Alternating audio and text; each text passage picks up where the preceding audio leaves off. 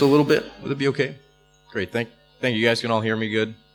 I, uh, I project, and so I always feel like my voice is so loud anyway, and it just blow people out of their seats. But um, I, uh, you know, the, the opportunity to live. Jeg skal tale på engelsk. Beklager.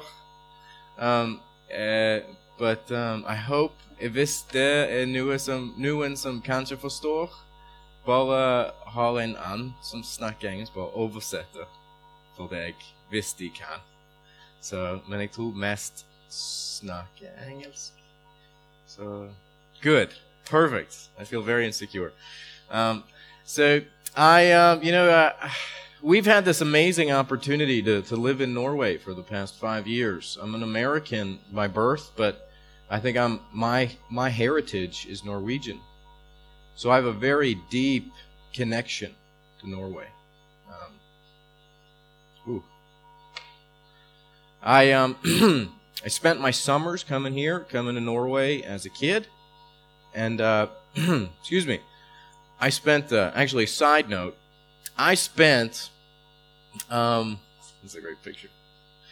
I spent um uh, the past weekend with 50 teenagers at Leland and got maybe four hours of sleep in two nights. So I'm still working on some anxiety. And I get very emotional when I'm tired. So please, I'm going to work through this as fast as I can. But um, I uh, I do tend to tear up a little bit.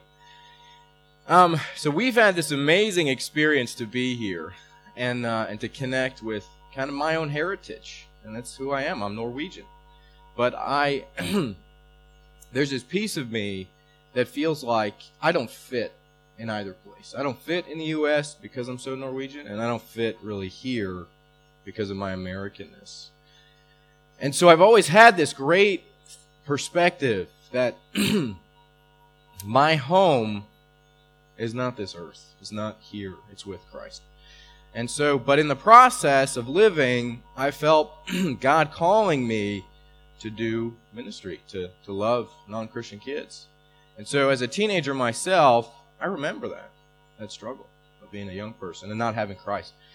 And so, um, after when I went to college and university, I decided to be a young life leader, volunteer my time, and believe it or not, I went to a, a Christian college. Um, and um, there were 1,500 other Christians at that school, 1,500 other Christians at that school. And of them, there were five young life leaders that dedicated time. Uh, I always had a conflict with that because I felt I felt that if we are the body of Christ, aren't we supposed to go out? Why are we staying here? And I always felt it was hard to get other people to join me in that. Um, and so this has been for me a mission. Non-Christian kids need Jesus, and so um, uh, my heart is that they would know Christ. And these pictures what you're seeing, we took a trip to the United States last summer. Um, yeah, that's that was last summer. We had 40 crazy teenagers um, for 11 days in the United States, non-Christian kids, most of them from Hundvåg, and just had the most amazing time. And we've done this trip now. So that was the third year we're doing it. We'll do it again this year, and it is just life life changing. It is a transfer, transforming experience. Um, and I think Young Life as an organization is dedicated to giving that to kids, both as a camping experience and both as a relational vehicle to know Jesus. And so I'd love to talk to you about that if I could stop it with the emotions. I wish they'd just go away. I'm it's my wife's job to be emotional. So um well hey, I uh Hans asked me to speak and I was delighted. He asked me in May to speak to you all and and I wasn't really sure what I was supposed to talk about, so I called him last week and I said, Hans, you know, I'm not. What do you want me to share? Like, I could share theology. He's like, just share your heart. Like, share why you're here and and what you do. And so we have been invited, I think, by Hans and and Sveinung from before to just be a part. And Leif uh, started that whole pro. Leif Yellowset started the whole process. I'm embarrassing you a little bit. That's okay. I know you. So um, started that whole process of introducing us to this community, and it has been uh, what's going on? it has been an amazing experience to, have, to be a part of an organization that has a mission in their mindset. And I think oftentimes the people here that are missionaries, they go out and they have this objective I'm going to reach non Christians in another country. And like in comes this American missionary to um, to essentially share the same philosophy back to them. And I always felt like that was such a cool thing that God connected me to you in that way. So thank you for letting me be a part of this community and for being here. We uh, we would have left. We would have gone home a long time ago had it not been for you. So thank you for that, and for the office is awesome. So I have an office here. So um, thank you for that. Um, but uh, what I really want to talk about is Young Life and how it began. Young Life as a mission is uh, is just that. It's just a mission, and our goal is to see non-Christian young people meet Jesus. And so the question of do we need missionaries in Norway? Do we need them here? I think the, the I think the answer to that question is we need missionaries everywhere. In every samfund, in every area, somebody needs to be that missionary in that location. And so for Young Life, that's how we see it. So whether people live in Sandnes and say, I'm a missionary to that high school down the street, to that Ungdom school down the street, or if somebody lives in, um, somebody from Norway moves to Madagascar, or Tanzania is the big one, right? Tanzania, and says, This is my mission field. I think it's the same. Jesus started with that idea go first to Jerusalem. That's where he was. And he said, You will go first to Jerusalem, then to Judea, then to Samaria, and then to the ends of the earth. And I think he started with Jerusalem. And so I think that as Christians, that's how Young Life has seen its philosophy. And I think that's how we've grown, is that we see our mission field as being right where we are. And knowing that knowing that non-Christian kids, they're everywhere. It's an amazing thing. As an organization, Young Life started in 1941, um, uh, incorporated 1941. It it has grown now to maybe over. It's a movement of over 4,000 staff people over the world, with more than 20,000 volunteers. It's a uh, it is a tool to help non-Christian kids meet Jesus. And so I think that being a part of the organization has been so special for me. I think when Hans asked me to share with you a little bit about my heart. That, I think, is where my heart is. That, that Christ used this, uh, this, this man to begin a small group of people saying we're committed to reaching non-Christian kids 70 years ago and has grown into the largest, what is now the largest youth organization in the world. And, um, and it's in 40, like 45 countries or something. And it really is amazing. So I am so delighted to have the opportunity to to serve and to love um, this community and to feel supported at the same time. Um, and uh, and so I hope that in the process you don't you don't look at me as saying he's pushing young life, but more as saying I am pushing Jesus using a tool called young life. And so my hope is to share that with you and give you a vision for what Norway is and the potential that's here. I feel that I feel that uh, it is a great thing to be awakened, and when awakenings happen, they're beautiful to watch, and to see all the people that meet Jesus is it's amazing. And so, whether they meet Christ through me or not, I only feel like I'm just a small rock, maybe, that's been thrown into a big pool, and the ripples are kind of going out all over the place, right? And I hope that that's true. I really do. I hope that that's true. So, let's see here. I would like, um, uh, there's some key scriptures that I think are important for all of us to know and understand, and uh, they are central to our life in Christ and to to the young to the mission of young life. So Hans is going to come up. He's just going to read two of them for us, and I'm just going to explain them. You?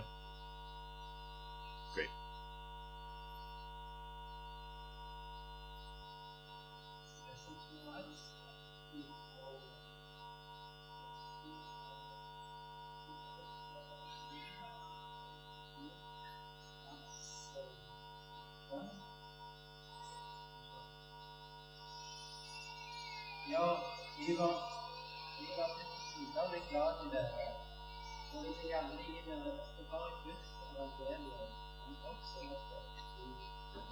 vi elske til andre. Skal vi lese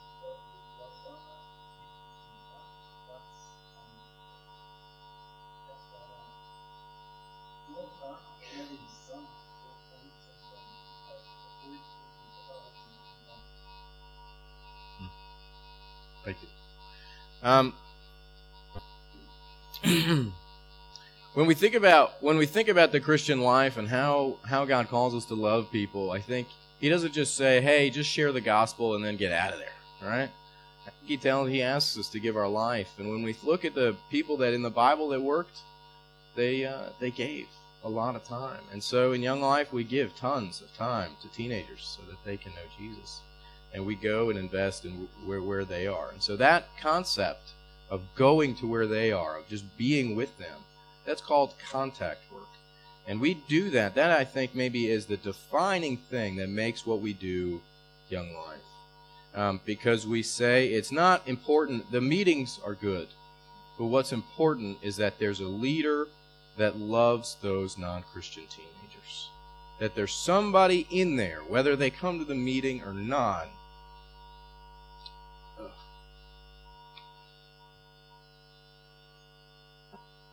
should have slept more. That loves them. It's important. So, and so when we do this thing called contact work, it is it can be an, exhausting to just as an adult to go into this world where you got to be like, "Hey, man, give me five. How's it going?" You know, like, like, uh, what's what's up? Are you guys playing? What video games are you guys playing now? I, and then like I have to. Part of my job is to like learn what's popular for teenagers. So I play video games intentionally. My wife's like, "What are you doing?" I'm working. so I have to know what they're into, and I use that as a vehicle to get to know them and to te- show them that hey, look, I'm, I can be relevant, but that I think in the midst of that, those playing video games is God. God is working somehow. And that relationship builds, and there's a trust that's established.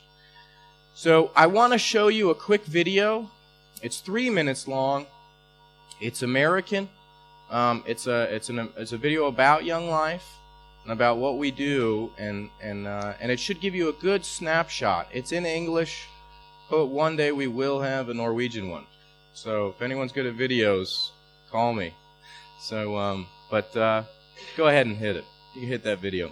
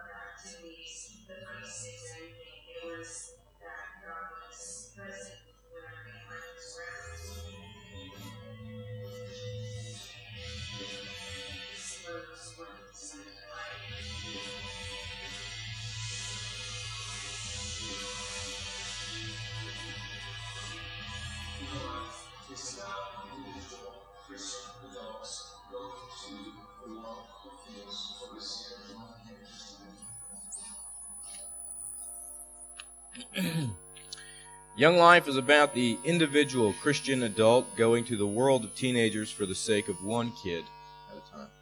And I think we we have this idea and it's given to us and it's in the Bible. That that same statement's given to us in the Bible. And it says uh second it's in 2 Corinthians 5 um, and it says um, we are therefore Christ's ambassadors as though God were making his appeal through us. And I think when we talk about giving our giving our lives to that, I think the young life leader is central to that. Somebody that says, "I want to give my time and my energy and my life for those three, four kids to know uh, the faith that I have inside." And I think that that, that is the the defining thing about a young life leader, and that's I think what makes young life. It is a it is a volunteer.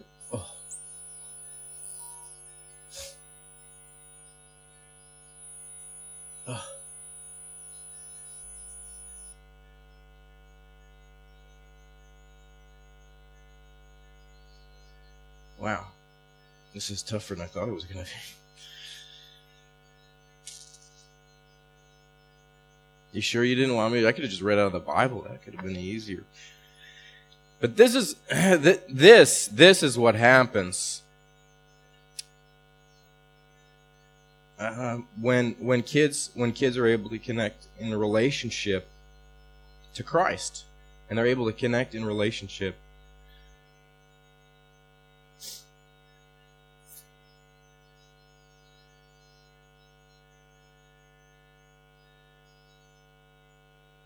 Excuse me. You all understand, I hope.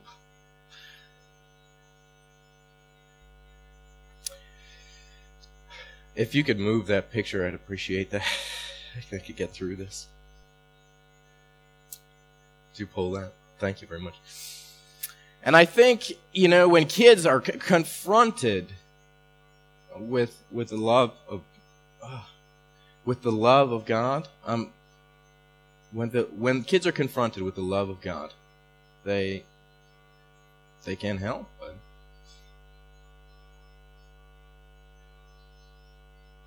but respond.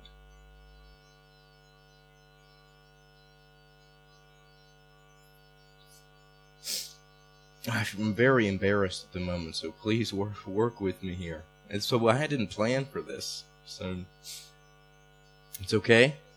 Yeah, good. A lot of feelings. Okay. Well, I always think of Jim Rayburn, who's the founder of Young Life. Guy who started Young Life. He he said that in the life of a teenager, in, in the life of a person, there is a springtime in their life where the gospel grows best. That's every person. And I think when we measure when we measure percentage wise the amount of kids that are coming to Christ, the people that come to Christ, approximately 80 to 85 percent of the body of Christ has come to Christ in their teen years. This is in the world. In their teen years. There's something very special about this time. So when you talk to non-Christian kids that are below the age of 12, you ask them, "Hey, do you want a relationship with Jesus?" They say yes, and they'll accept Christ over and over and over again. And Jim Rayburn, he noticed that. But he noticed also by the time people get to the age of about 19, 20, uh, you ask them to accept Christ and they're very resistant to that. But in the midst of a, of a meaningful adult relationship between the ages of 13 and 19, people have an opening, a willingness to consider that maybe Christ was who he said he was. And maybe maybe the truth that he has to offer in my life, that's a real thing. And so it it brings us it brought Jim Rayburn to this place to say, I'm not going to focus on young kids and I'm not going to focus on adults, but I'm going to focus on teens and they're going to be my mission. I'm going to start with them and I'm going to I'm going to invest in them. And he took a group of of young staff people and he said he just said go. And in the midst of that, Young Life Young Life as a program developed, but it developed based upon relationships with kids. And the fine line that makes us who we are is just a willingness to be available to non Christian kids. So, you know, every once in a while, there's this one kid that I know. His name, I, I'll just say his name. His name is Martin. And every once in a while, he'll call me at 2 in the morning and, like, ask me to play video games. And, um, there because on the Xbox there's this new on the new Xbox. I'll, let me teach you a little bit about the Xbox. So on the new Xbox, when you have it on, it's connected to the internet, and then you, in order to use it, you have to have a, a login name, and so you can see who else is online, and you can play games with them over the internet. I don't know how that works. So, but every once in a while, I leave it on all night I forget that it's on, or I have two daughters. You know, one of them will crawl over there, turn the button on, and it'll stay on. Well, he'll call me like two in the morning. He's like, "I see that you're online. You want to play?" And so I'm just like, "No, I'm I'm sleeping, Martin. Are you okay?" He goes, "Yeah, everything's fine. I'm just bored." I was like, "Well, you should go to bed. Call me tomorrow. We can hang out." And I think I've had this relationship with him for a long time, and it's allowed him. When he calls me two in the morning, I'm like, "Why are you calling? Don't call me at this hour." But it allows him to know that like I'm there for him, regardless of the amount, regardless of the time that he calls and and the moment that that he needs something. He knows that I'm there. There is that fine line of not letting them go all the way and be abusive, like start taking from you, like, hey, uh, I'm taking your video games now, so because you don't care when I come over. I think there are some boundaries there, but I think the point is that I'm an adult friend and I'm there for him when he needs it. We um, we have a couple other kids that do the same thing. They call every once in a while, but they have real issues that come up, like problems with home, problems with relationships, boyfriends, girlfriends, life decisions, and we're there for them. And I think being there for them in a way that allows us to pray for them, to love them, to show them Christ, in a relationship that's meaningful is is a special. It's an amazing thing. And they get to see Christ in me, and they get to see Christ in the leaders that do it. So somebody tried to explain this to me actually this weekend. This concept of I can't remember. It's called like Nessa. Is that it? Nessa. Um, and this like uh, the Nor- Norwegians are tend to be very very rigid almost. I think someone tried to explain it. Has anyone ever heard of this? Am I saying that right? Nessa, Nissa, Ness, Nessa, like Nissa. Yeah, yeah. May I might have it wrong. I think I have it all wrong. So. Well, there was a term that he used. Uh, he was a Norwegian, and he explained it to me and saying, you know, or, or you know, things have to in the in the Norwegian culture, things are very proper, you know, and no, it's all coming out wrong. But anyway, he said, you know, when you he's young, he's doing Young Life, and he said, you know, when you do Young Life, it's probably much harder for a Norwegian to jump out of their shell and be that relational and give that much of themselves to uh, to young people, but it's necessary. It's important, and people need to feel that that God's calling them and stretching them, and that God's culture is bigger than the Norwegian culture. And I think that hit me. That really hit me hard because I think that's how I feel. And not to say that Americans are like, you know, everybody's like, hey, let's just go have relationships. But I think there's, that's just part of the American culture. It's just in the culture and in the people. That's one of the differences I've noticed. But Christ's culture is the same in both of those places.